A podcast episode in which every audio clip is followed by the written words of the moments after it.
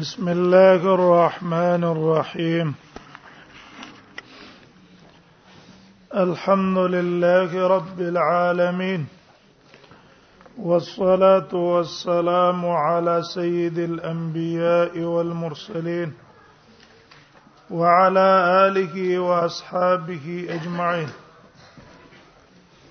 الا ان ديه الخطاء شبه العمد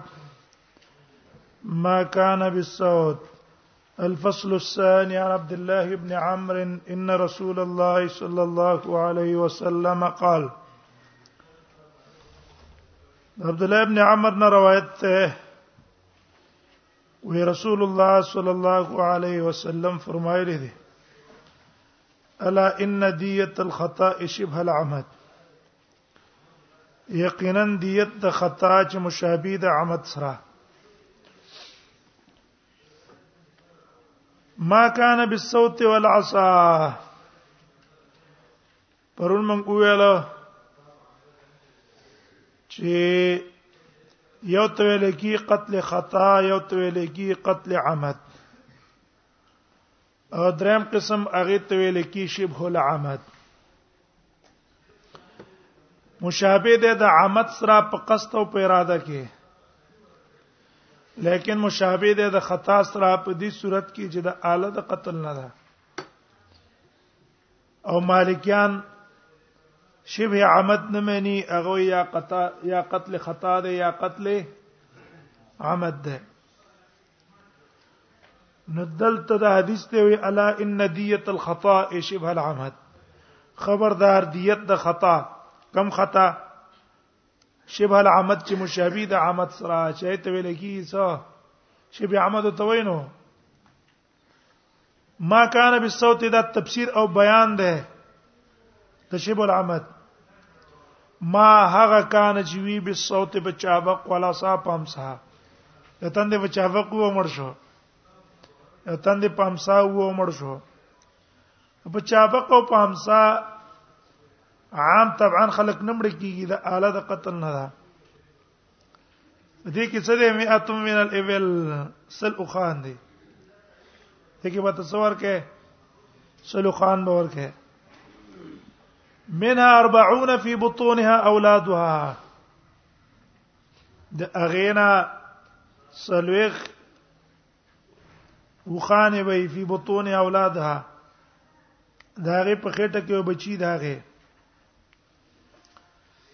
ایت ویل کې 40 خلفا اوله مسله خدا دا په قتل شب العمد کې دیت پچا ده ورپ قتل عمد کې دیت په قاتل او په قتل خطا کې دیت پچای په عقل وي په شبه عمد کې دیت پچا ده وې په شبه عمد کې دیت په عاقل او ده شبه عمد کې دیت پچا ده په عقل او ده په شان ته د دیت خطا او په عقلو باندې ولې ده وجه او حکمت پکې دا ده چې دا قسم جنایات اکثر واقع کیږي څګيږي اکثر دا جنایتونه واقع کی کنه سړی په غصه کې راشي ستې سړی په چابق وای سړی په سکو وای یو سړی په کاڼي باندې ولې اراده د قتل نه وي هغه خو غولې غرضي وایسته د سړی مړ شو دا جنایت کثیر الوقوع دی او دیت د انسان ډیر دی هغه دا موږ صرف په دې جانی باندې راولو شریعت کې دا په جانی باندې راوستل شي نو بیا به د جانی ټول مال برباد شي ختم بشي قرضونه په سم راشي دیو جن شریعت راولګې دو د دې جانی سره تعاون کو په دې چې عقل به دې سره څه کوي تعاون مدد بکې علی سبیل المواسات د پاره د اسانتیا په د باندې ها به د قتل عمد او د شبه عمد منځ کې فرق څه ده ټیک شو نو فرق دا ده چې په قتل عمد کې دیت په چا باندې واجب ده فی مال القاتل اولا تحمل العقل قاتل باغ مال ورکی عقل په هغه سنه برداشت کړي دیو جمع قدامه وای رحمه الله په المغني کې اجمع اهل العلم على دين النديه العمد وې د ټول علما په دې اجماع ده چې دیت چا دیت عمد تجب فی مال القاتل ولا تحملها العاقله ودا واجب د په دیت د قاتل کې او عقل به دا غي بر تحمل سره نه کوي دویم مسله دا ده دویم فرق په قتل عمد کې با سم دوار دیت ورکه او په شبه عامت کې مؤجل دی په نیټو ده په فرق دا شو کنه شبه عامت کې په چاو په عقلو او په عامت کې په قاتلو دویم فرق دا شو چې په شبه عامت کې په نیټو باندې د دیت ورکول نه او په قتل عامت کې سم دواره ورکول نه دریم دا ده چې قتل عمد کی تغلیظ ده په اعتبار د سینا سن او پای کې به د علماو اختلاف ده یو قول لا ده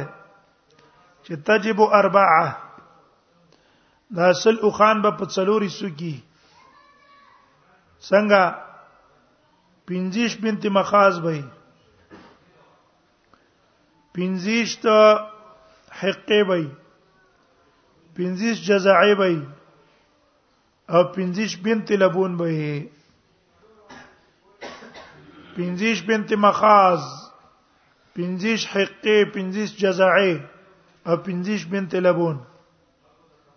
دا جمهور قول ده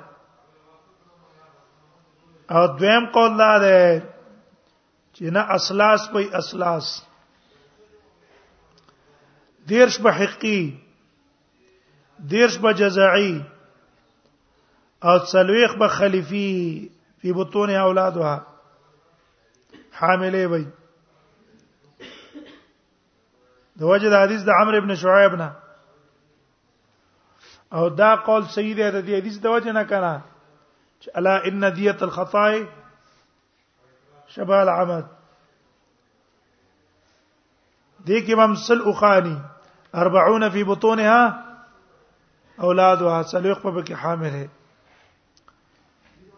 رواه النسائي وابن ماجه والدارمي وروى ابو داود عنه وعن ابن عمر امام ابو داود هم دنه نقل کړی دی ابن عمر نه نقل کړی وفي شر السنه لفظ المصابيح او په شر السنه کې لفظ د مصابيح نقل کړی عن ابن عمر ویله ابن عمر په ځای څه ویله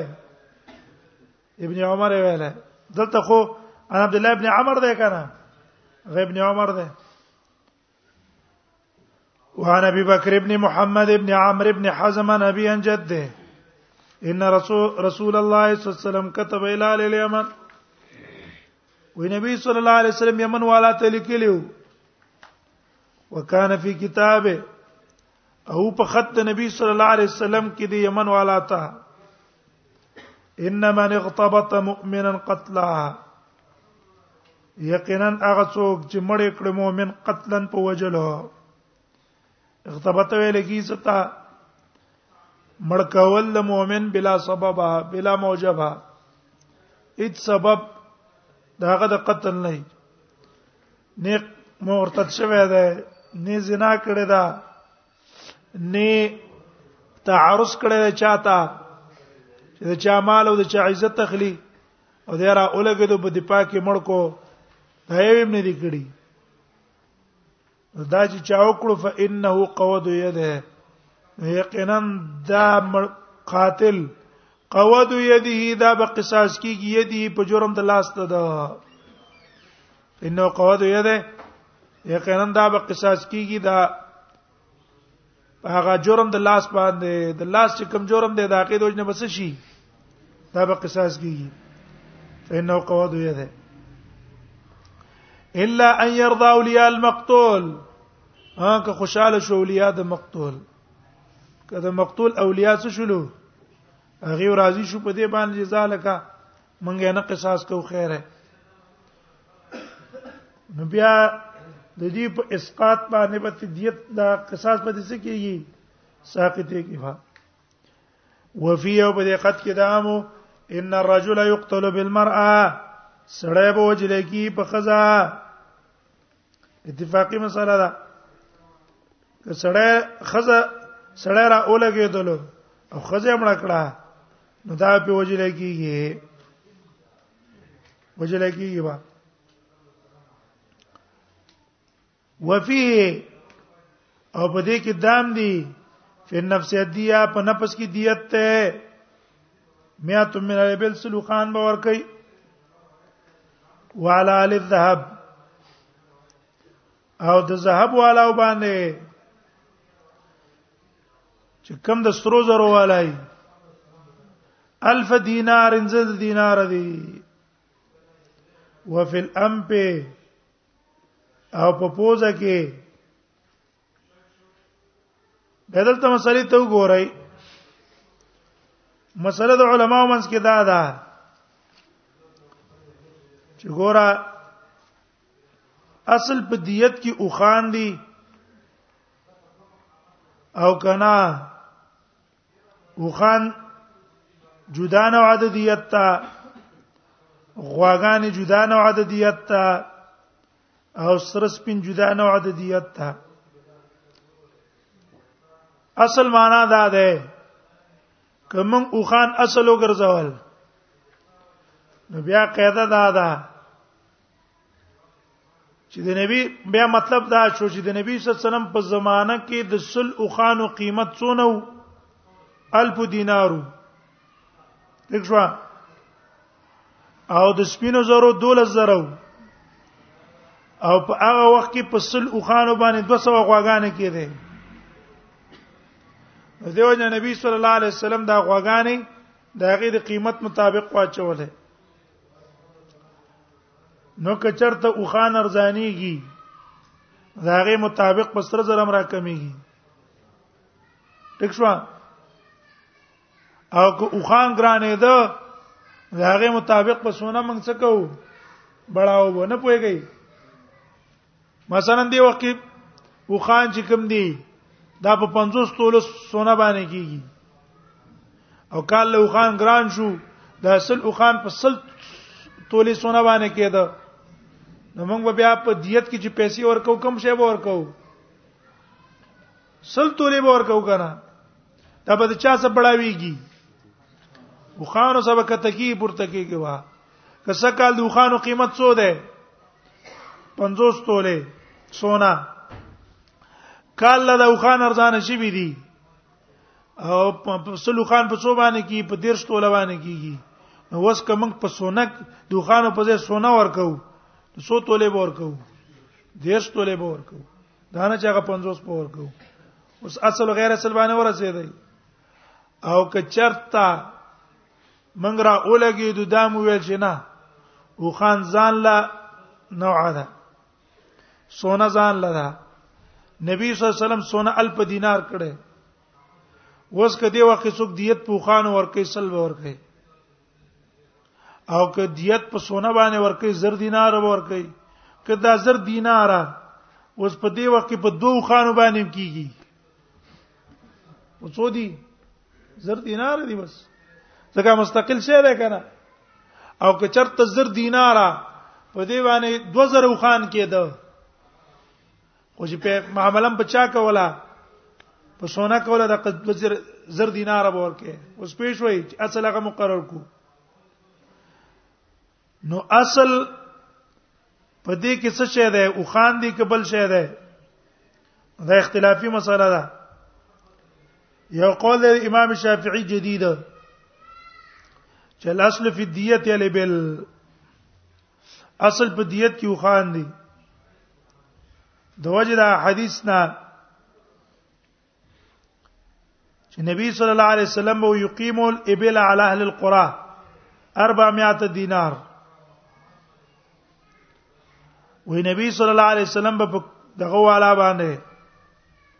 کلو والا باندې سل دینار مقرره ول دارنګي هغه چې کوم ده کنه وای کوم روایت کې چې زر دینار راغلی چې رسول الله صلی الله علیه وسلم علال الذهب الف دینار نو دې جواب ادا کړی دی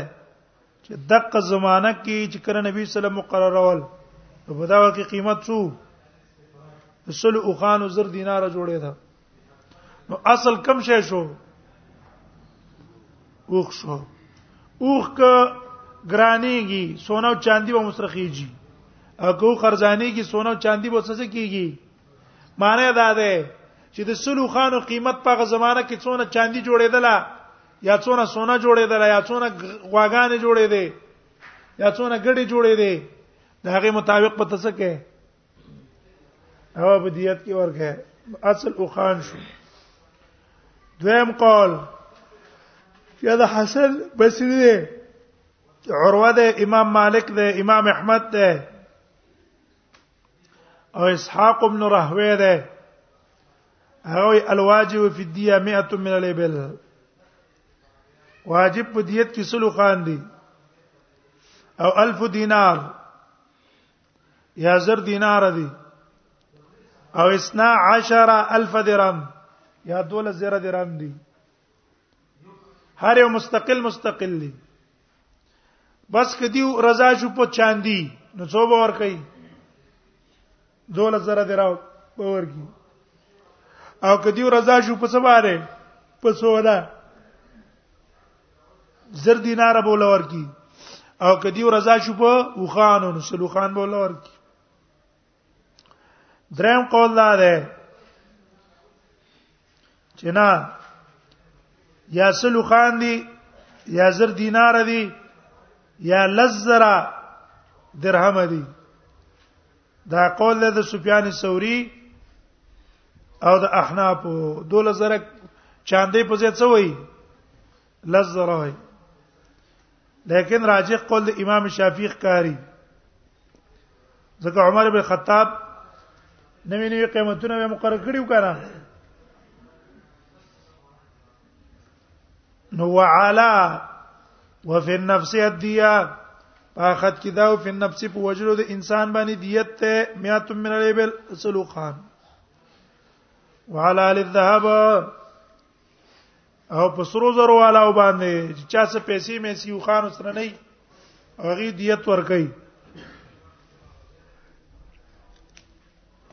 دینار باغی یو دینار ده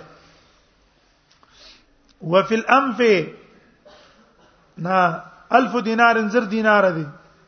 وفي الانف په پوزا اذا اوعب کله چې راګیر کړې شو سټنه دې پرې کړه ادیا زین زین کې دا کې نه وای په اندامونو کې دوه شینه دي یو منفعت ته یو زینت ته نکته یو اندام دي صرف زینت خراب کو نیم دیت ته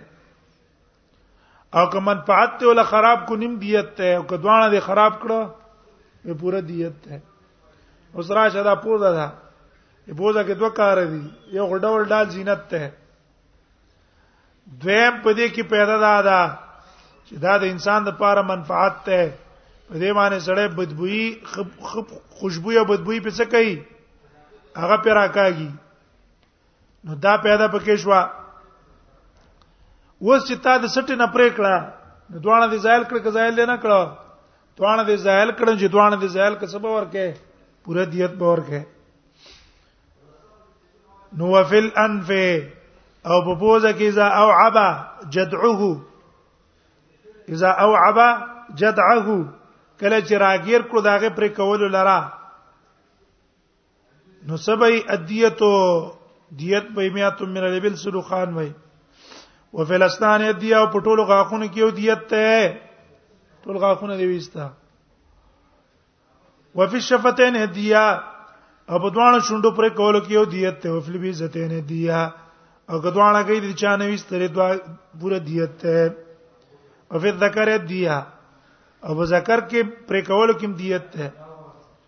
وفي الصلب په ملا ما تک ما تول کې دیا شاملا دی په منځ ما تکړه کنه دغه به خدا درې دی نشي کنه پروت وي دا د شول کته نه پس مړ کو انسان دې مړ کو دې کې پوره دیت ده وفي العينين هديه په دوه ستر ګستلو کې پوره دیت ده وفي الرجل واحده په یو خپل کې نسبت دی نیم دیت ده وفي المامومه او پاغه زخم کې چې دماغ ته ورسیږي سلسدیه ام الدماغ ته ورسیږي سلسدیه درې مې سره دیت ته پاکه وفي الجائفه او په هغه زخم کې چې د خېټې وځ ته ورسیږي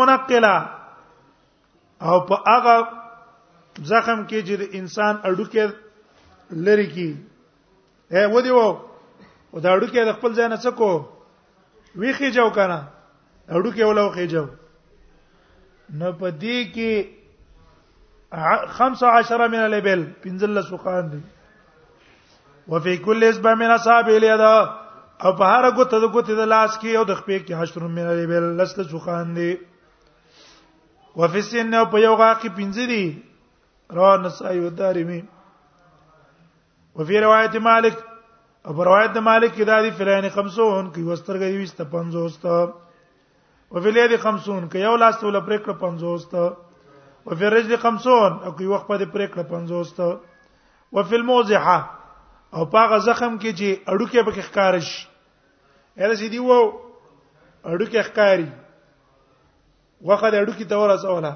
اډو کې نه نه مات سره لاش کېدل نو پنځه حاکم پنځه وخان دي ورامر بن شعیب نه نبی انجت ده د عمرو بن شعیب نه روایت ته غد خپل پلان روایت کېده نه کنه قال وی قضا رسول الله صلی الله علیه وسلم فی الموازی خمسا خمسا من الابل نبی صلی الله علیه وسلم فیصله کړې فل مواضع په زخمونو کې شیخ کاره کې اډو کو لرا خمسن خمسن من الابل پنځه پنځه وخان وفل اسنان په غاخونه کې خمسن خمسن من الابل پنځه پنځه وخان یې پنځه پنځه وخان ور کوي رواه ابو داود والنسائي والدارمي وروى الترمذي وابن ماجه الفصل الاول امام ترمذی ابن ماجه ورنه یې نقل کړی دا وعن ابن عباس قال جعل رسول الله صلى الله عليه وسلم صاحب اليدين ورجلين سوا ولا ابن عباس روایت ته وګرځولې رسول الله صم ګوتې د لاسونو ورجلين د خپې سوا یو شان رواه ابو داود ترمذی سمانا اې د لاس ګوتې کې د خپې ګوتې هر یو ګوتې چې د غوڅ کړن څو څو خان دی بګي زپینځه غټه یو کې قچي والاسنان وانه قال قال رسول الله صلی الله نبی صلی الله علیه وسلم فرمایي لا صاحب او سوا غوتی برابر دي ولسنان سوا او غاخونه برابر دي غوتی برابر دي سمانه کدا غوته د غوڅه کو پینځه غټن دی غوڅه کړه پینځه هر یو غاخ چې دی وستو دا مخکینی اگر کبه دې دونه کار نه کیږي کنه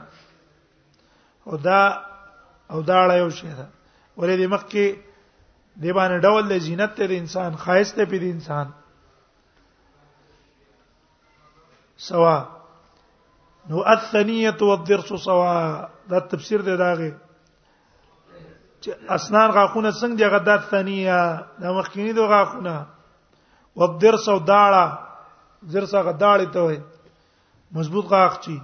سوادا برابر دي هاذي وازي سوادا او دا برابر دي یو شان دي رواه ابو داود وعن عمرو بن شعيب عن ابي جدي قال خطب رسول الله صلى الله عليه وسلم الفتح عمرو بن شعيب نے روایت ته هغه خپل پلان روایت کې هغه د نکنه نبی صلی الله علیه وسلم خطبه ویلا مل فتح په کال د فتح کله چې مکه فتح کړه نبی صلی الله علیه وسلم خطبه ویله او خطبه کې ویله یا ایو الناس انه لا حلف فی الاسلام ای خلق لا حلف فی الاسلام نشته نبی لوزونه په اسلام کې وما كان من حلف في الجاهليه او هغه چې حکم لوزونه په جاهلیت کې فإن الاسلام لا يزيد الا شدة یقین اسلام نه زیاتې دی لپاره مگر مضبوط واله دې جملې څه معنا ده یو معنا علما دا کړي چې جاهلیت والا برا لګیدل دی به یو بل سره حلب کاو یو بل سره هلپ وکړو واغه ته ویل چې حتمی حتمو کا او ساری سارو کا وې زمان نړول ستان نړول دي زما بدله ستا بدله ده دارنګ حربي حرب کا وسلمي سلم کا زما چې چا څه جګړه وستا به مسه جګړې ما چې چا څه صلح وا ستا به مسه صلح کې ستا د چا څه صلح وا زما به مسه صلح ترثني وارثك ته ما نه میراث وړې زبستانه میراث وړم دا لوزونه به کول دیو بل سره نو نبی سلام فتح د مکه کې ویاله چې ګوره د دې د دې وخت تمخ کې که تاسو یو بل څه حلفونه کړی دي بس ټیک د پاتې دي یک څو حادثي هغه حلفونه دي پاتې په خپل حالت باندې د دینه بعد اسلام کې سړی داخل چې حلف ته ضرورت نشته خو ها صرف را اولګې دو اسلام په حلفونه کې باج صورتونه سکړه هغه خاص کړه چې ټیک د تا د سلاوس کړه ده او په لوس کې تاسو سویلی چې حربي حرب کا او سلمی سلم کا دمی دم کا دی ویل چې نه په جرم باندې به صرف څوک رانی ول کیږي اقا مجرم برانه ول کیږي لا تزر وازره وزر اخرى ایت مستثنا کړه او صورت ته میراث ته مستثنا کړو چې میراث به عصب وړي حلیف له نور نشتا وینا شپ معنا غرض د معنا څه شو د حدیث غرض د حدیث دا شو چې د اسلام نه بعد حلف حلف ته ضرورت نشتا اسلام نه بعد حلف ته ضرورت نشتا ها تاسو چې په جاهلیت کې کوم حلفونه کړی دي کم چې څه کړی دي په جاهلیت کې حلف کړی دی نو اسلام را لګیږي هغه نور هم ته مضبوطی چې بس هغه کوي خیره باغی ټینګ پاتې شي خو د دې نه بعد بنوي حلفونه نه کوي نوې حلفونه به کوي نه وها چې تاسو جاهلیت کې کوم حلف دی او بل څه کړی دی نو پای کې باج صورتونو کې شریعت څو کړل تخصیصات راوسته کړه جاهلیت والا با هغه حلف په جرم د بل حلف کې نیولو هغه حلف له میراث ورکاو نو اسلام ویل چې جرم باندې بسوک نیول کیږي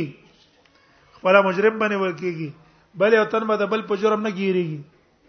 بل اسلام را اولګې دو میراث چاته ورکو میراث ورثه ته ورکو چې دا میراث په ورثه اخلي بل څوک به نه اخلي معنا باندې ورسېدلې یو معنا دا ده نو غرض د دې دا شو چې لا حلف فی الاسلام اسلام نه بعد حلفونو ته ضرورت نشته او ما كان من حنف في الجاهليه او کوم حلف چې په جاهلیت کې وو فإن الاسلام لا يزيد الا شده اسلام دا ستاسو نور مضبوط ہے اټینګ کوي دا معنا چا دا کړي چې نه دې کې نه دې حلف نه نه دا دې کې مقصد دا دی ګوره جاهلیت والا په زمانه د جاهلیت کې حلفونه کول راجا و بشو یو بل سره تحالف او لوز کو چې منګ با مظلوم سره حمایت او تعاون وکاو ظالم مخه بنیسو او په خو کارون کې به بل څه کو تعاون وکاو دا لوز دیو کړو نو نبی صلی الله علیه وسلم وی ګورا اسلام نه بعد دغه لوزون ته ضرورت نشته ولی ځکه اسلام کې پخپل قوت ته اسلام کې څه شه ده پخپل قوت ته په اسلام کې خپل رور ولیدا اسلام پخپل سره منکې د ظلم نه اسلام خپل تعاون کوي په سبا نه حمایت مظلوم او د پات نیول د ظالم دا معنا ده اوس په چې مې دا معنا اوله معنا مطلب دا دی چې حلف بنه کوي بس جاهلیت کې کوم حلفونه کړی دي بس هغه دی پاتې دې مطلب دا دی چې د حلف ته ضرورت نشته د دې معنا کې څه مطلب دی دغه حلفونه ستاسو خکارو خو هغه ته ضرورت نشته ولې وته نشته ځکه چې دا اسلام په خپل په دغه امور څه کوي امر کوي اسلام په خپل امر کوي انسان ته په خو کارونو کولو او منع کوي د بدو کارونو نه اته معنا نهایي والا کړي ابن الاثير ولا حلف في الاسلام نشتري حلف په اسلام کې وما كان من حلف في الجاهليه او کوم حلف چې په جاهلیت کې وو فإن الاسلام لا يزيد الا شده یقینا اسلام نه زیاتې غیر مګر نور مضبوطواله المؤمنون يدون على من سواهم اوس بیان دی دی مؤمنان چې دی يدون دا یو قوت او موټه ده على من سواهم پاچا چې دیونه په غیر دی دیونه په غیر څوک دی کافر يهود دي کنه سوارا دي کبل څوک دي او دې د هغه په خلاف باندې یو موټه ده امیدون علی من سواه دی یو موټه ده پاګه چا چې دیونه په غیر دی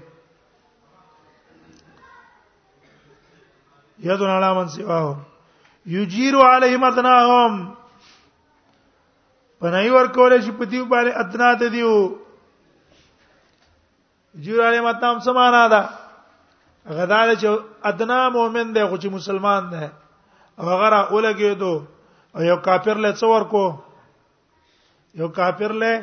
امن ورکو امن چې راته ته بتاش تعارف تعارض باندې کوي د څه کولای شي د ادنا مؤمنم کافران له امن ورکول شي ويرد عليه مقصاهم معنا مخکې مونږ کړه وا او واپس کوي په دې باندې اقصاد دیو هغه معنا مخکې وکړه jihad لکه سان لاړ او د دقه جیش نه یو وړغوندې کې سریه لاړه او الته جنگ کو غنیمت یو غټلو دا غنیمت په څه کوي کم غټلې غنیمت چي ده په دې کې به د ناسینو کسان لڅور کوي صبر کوي لکه د تفسیر شو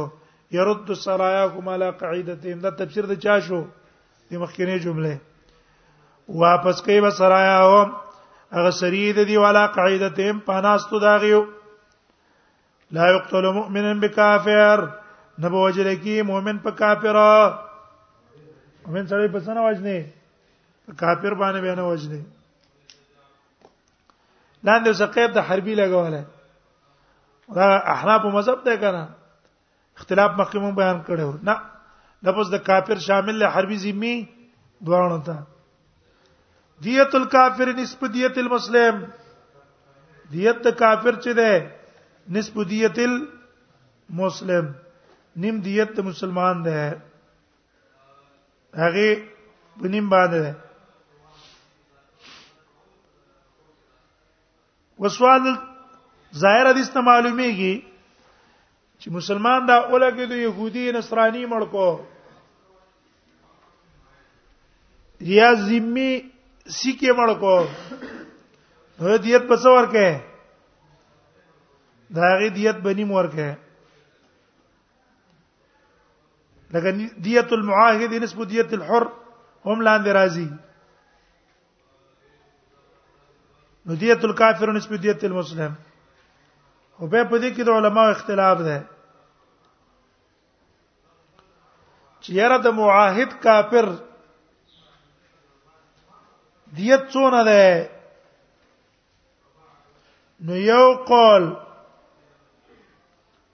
هذا امام ابو حنیفه رحم الله ده چې هغه انها کدیه المسلم وې د دې دیت په شان ته د دیت د مسلمان ده سوا یو شان ده او دا قول په صحابه کې د عبد الله بن مسعود نم نقل ده او په تابعینو کې د زهری نه زهری نه همدارنګه سفیان ثوری نه او دا د صاحبانو مذهب هم ده دویم مذهب د امام مالک ده هغه ان نصف دیت المسلم او دا قول ده د عمر بن عبد العزيز هم او د عروه بن الزبير هم غیم دا قول کړه دریم قول امام احمد ده هغه ان قتل عمدا دا مسلمان را لګیدلې او دا ذمي قصدن وجلې نو به پاغه صورت کې دیت د چا ده فدیت المسلم امام بونی فقوند کې قوله کړه او که چرته خطا ان وجلې فنسب دیت المسلم امام مالک اند کې قول کړه او څلورم قول د امام شافعي ده هغه دیته ثلث دیت المسلم فی العمد والخطا په صورت د عمد او د صورت خطا دواړو کې دیت څونه ده سلس دیت الخطا ده درم حساب ورکړي او دا قول په صحابه کې د عمر او د عثمان رضی الله عنهما نه منقول ده او په تابعینو کې دا قول نقل له سعید ابن المسیب او د عطا ابن ابي رباح او په فقهاو کې د ابو ثور او د اسحاق ابن راهوی ده اوس امام بونیفا چې وایي چې د د ذمہ دیت او د مسلمان دیت یو شان ده هغه استدلال نه ولې په آیات قران کې دی ومن قتل مؤمنا خطا فتحرير رقبه مؤمنه وديه مسلمه الى اله بیا رستوای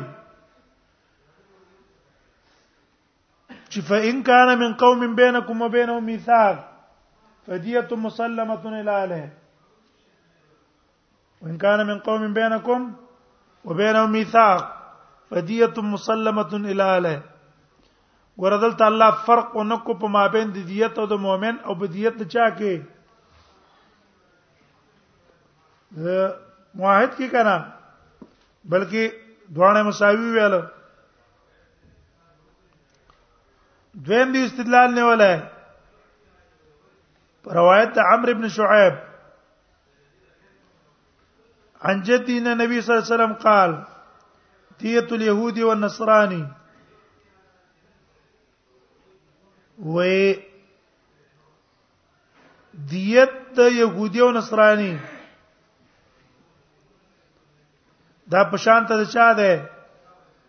وې دا پشان ته دیت د مسلمان ده پکې دا دي او دغه نه راغله ده د ابن عباس روایت ده ابن عباس روایت و عمرو ابن امیس زمری چې اتو کسان وجلیو کافران نبی سم هغه ته امن ور کړو په بیر معونه کې اولم يعمل هغه ته پته نه و چې نبی صلی الله علیه وسلم امن ورکړی وداهم فرتاهما رسول الله صلی الله علیه وسلم من عنده بدیه حرین مسلمین بدیه حرین مسلمین ودیت حرین مسلمین ورکړه دویم دی وی وجه دا ده لانه حر محقوق الدم یا محقون الدم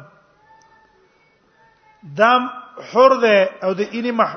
اینه محبوزه ده لازمه ده وجب ان يكون ديته کامله وکړ دا دیت کامل شي شانته د مسلمان زکه به پورا ور کوي دا غیست دا د استدلالات دي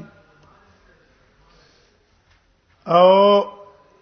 امام مالک چې قول کړی دی هغه استدلال نه ولا پر روایت محمد ابن اسحاق عن عمرو ابن شعيب عن نبي جد ده ان النبي صلى الله عليه وسلم قال ديه المعاهد نصف ديه المسلم ديه المعاهد نصف ديه المسلم وې د معاهد دیت چې ده په نیم دیت مسلمان ده امام داود راوړل او د دې حدیث مبارک امام احمد وايي چې ليس فی الاخبار اصح من هذا په حدیثو کې دې نه بل صحیح روایت څه ده نه او سليمان ابن موسی روایت نقل کړه د امر بن شعیب عن جدته پای کې دي قضا ان عقل اهل الكتابين نصف عقل المسلم وی نبی سم دا فیصله کړی دا چې عقل دیت د کتابیانو د چا ده دا نیم دیت د مسلمان دی او هم يهود او النصارا بل دی وای و نقص دوه قسمه ده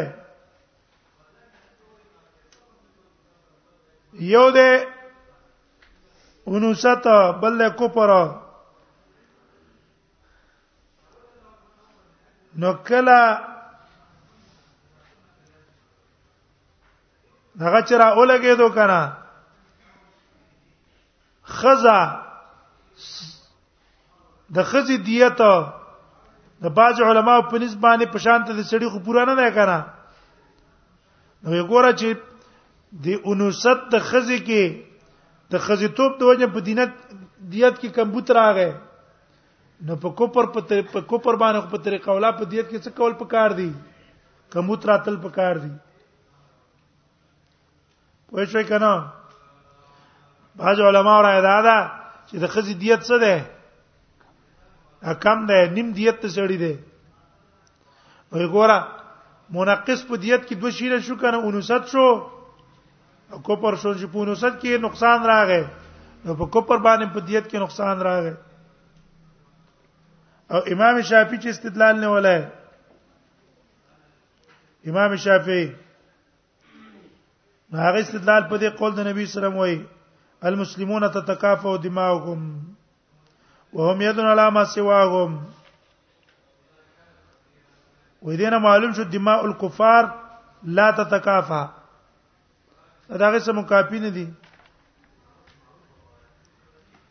او ابن المنذر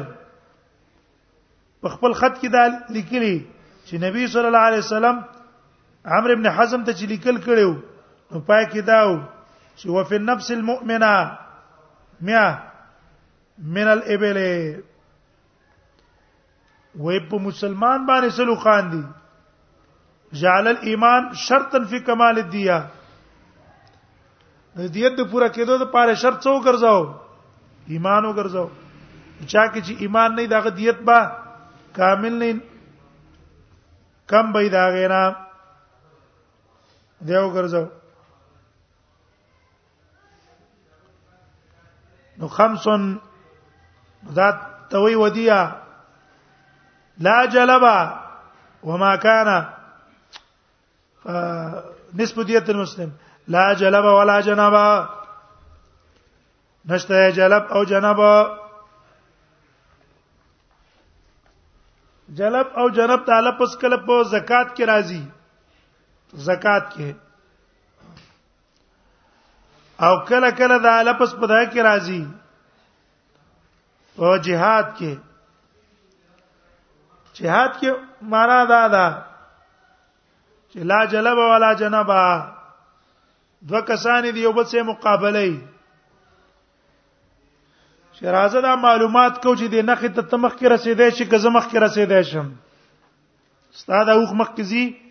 کزما اوخ مخ کې زی اندر ریحان چوته وي اوس دو اوخان ما ته په مقابله چولی یا دوا سنم په منډه چولی نو لا جلب ولا جنبا دکې و جلب هم نه کې جنب هم نه کې جلب معنا دا ده دا بم نه کې چې تر اوله کېږي شاته دی او تن ځان پسې کړی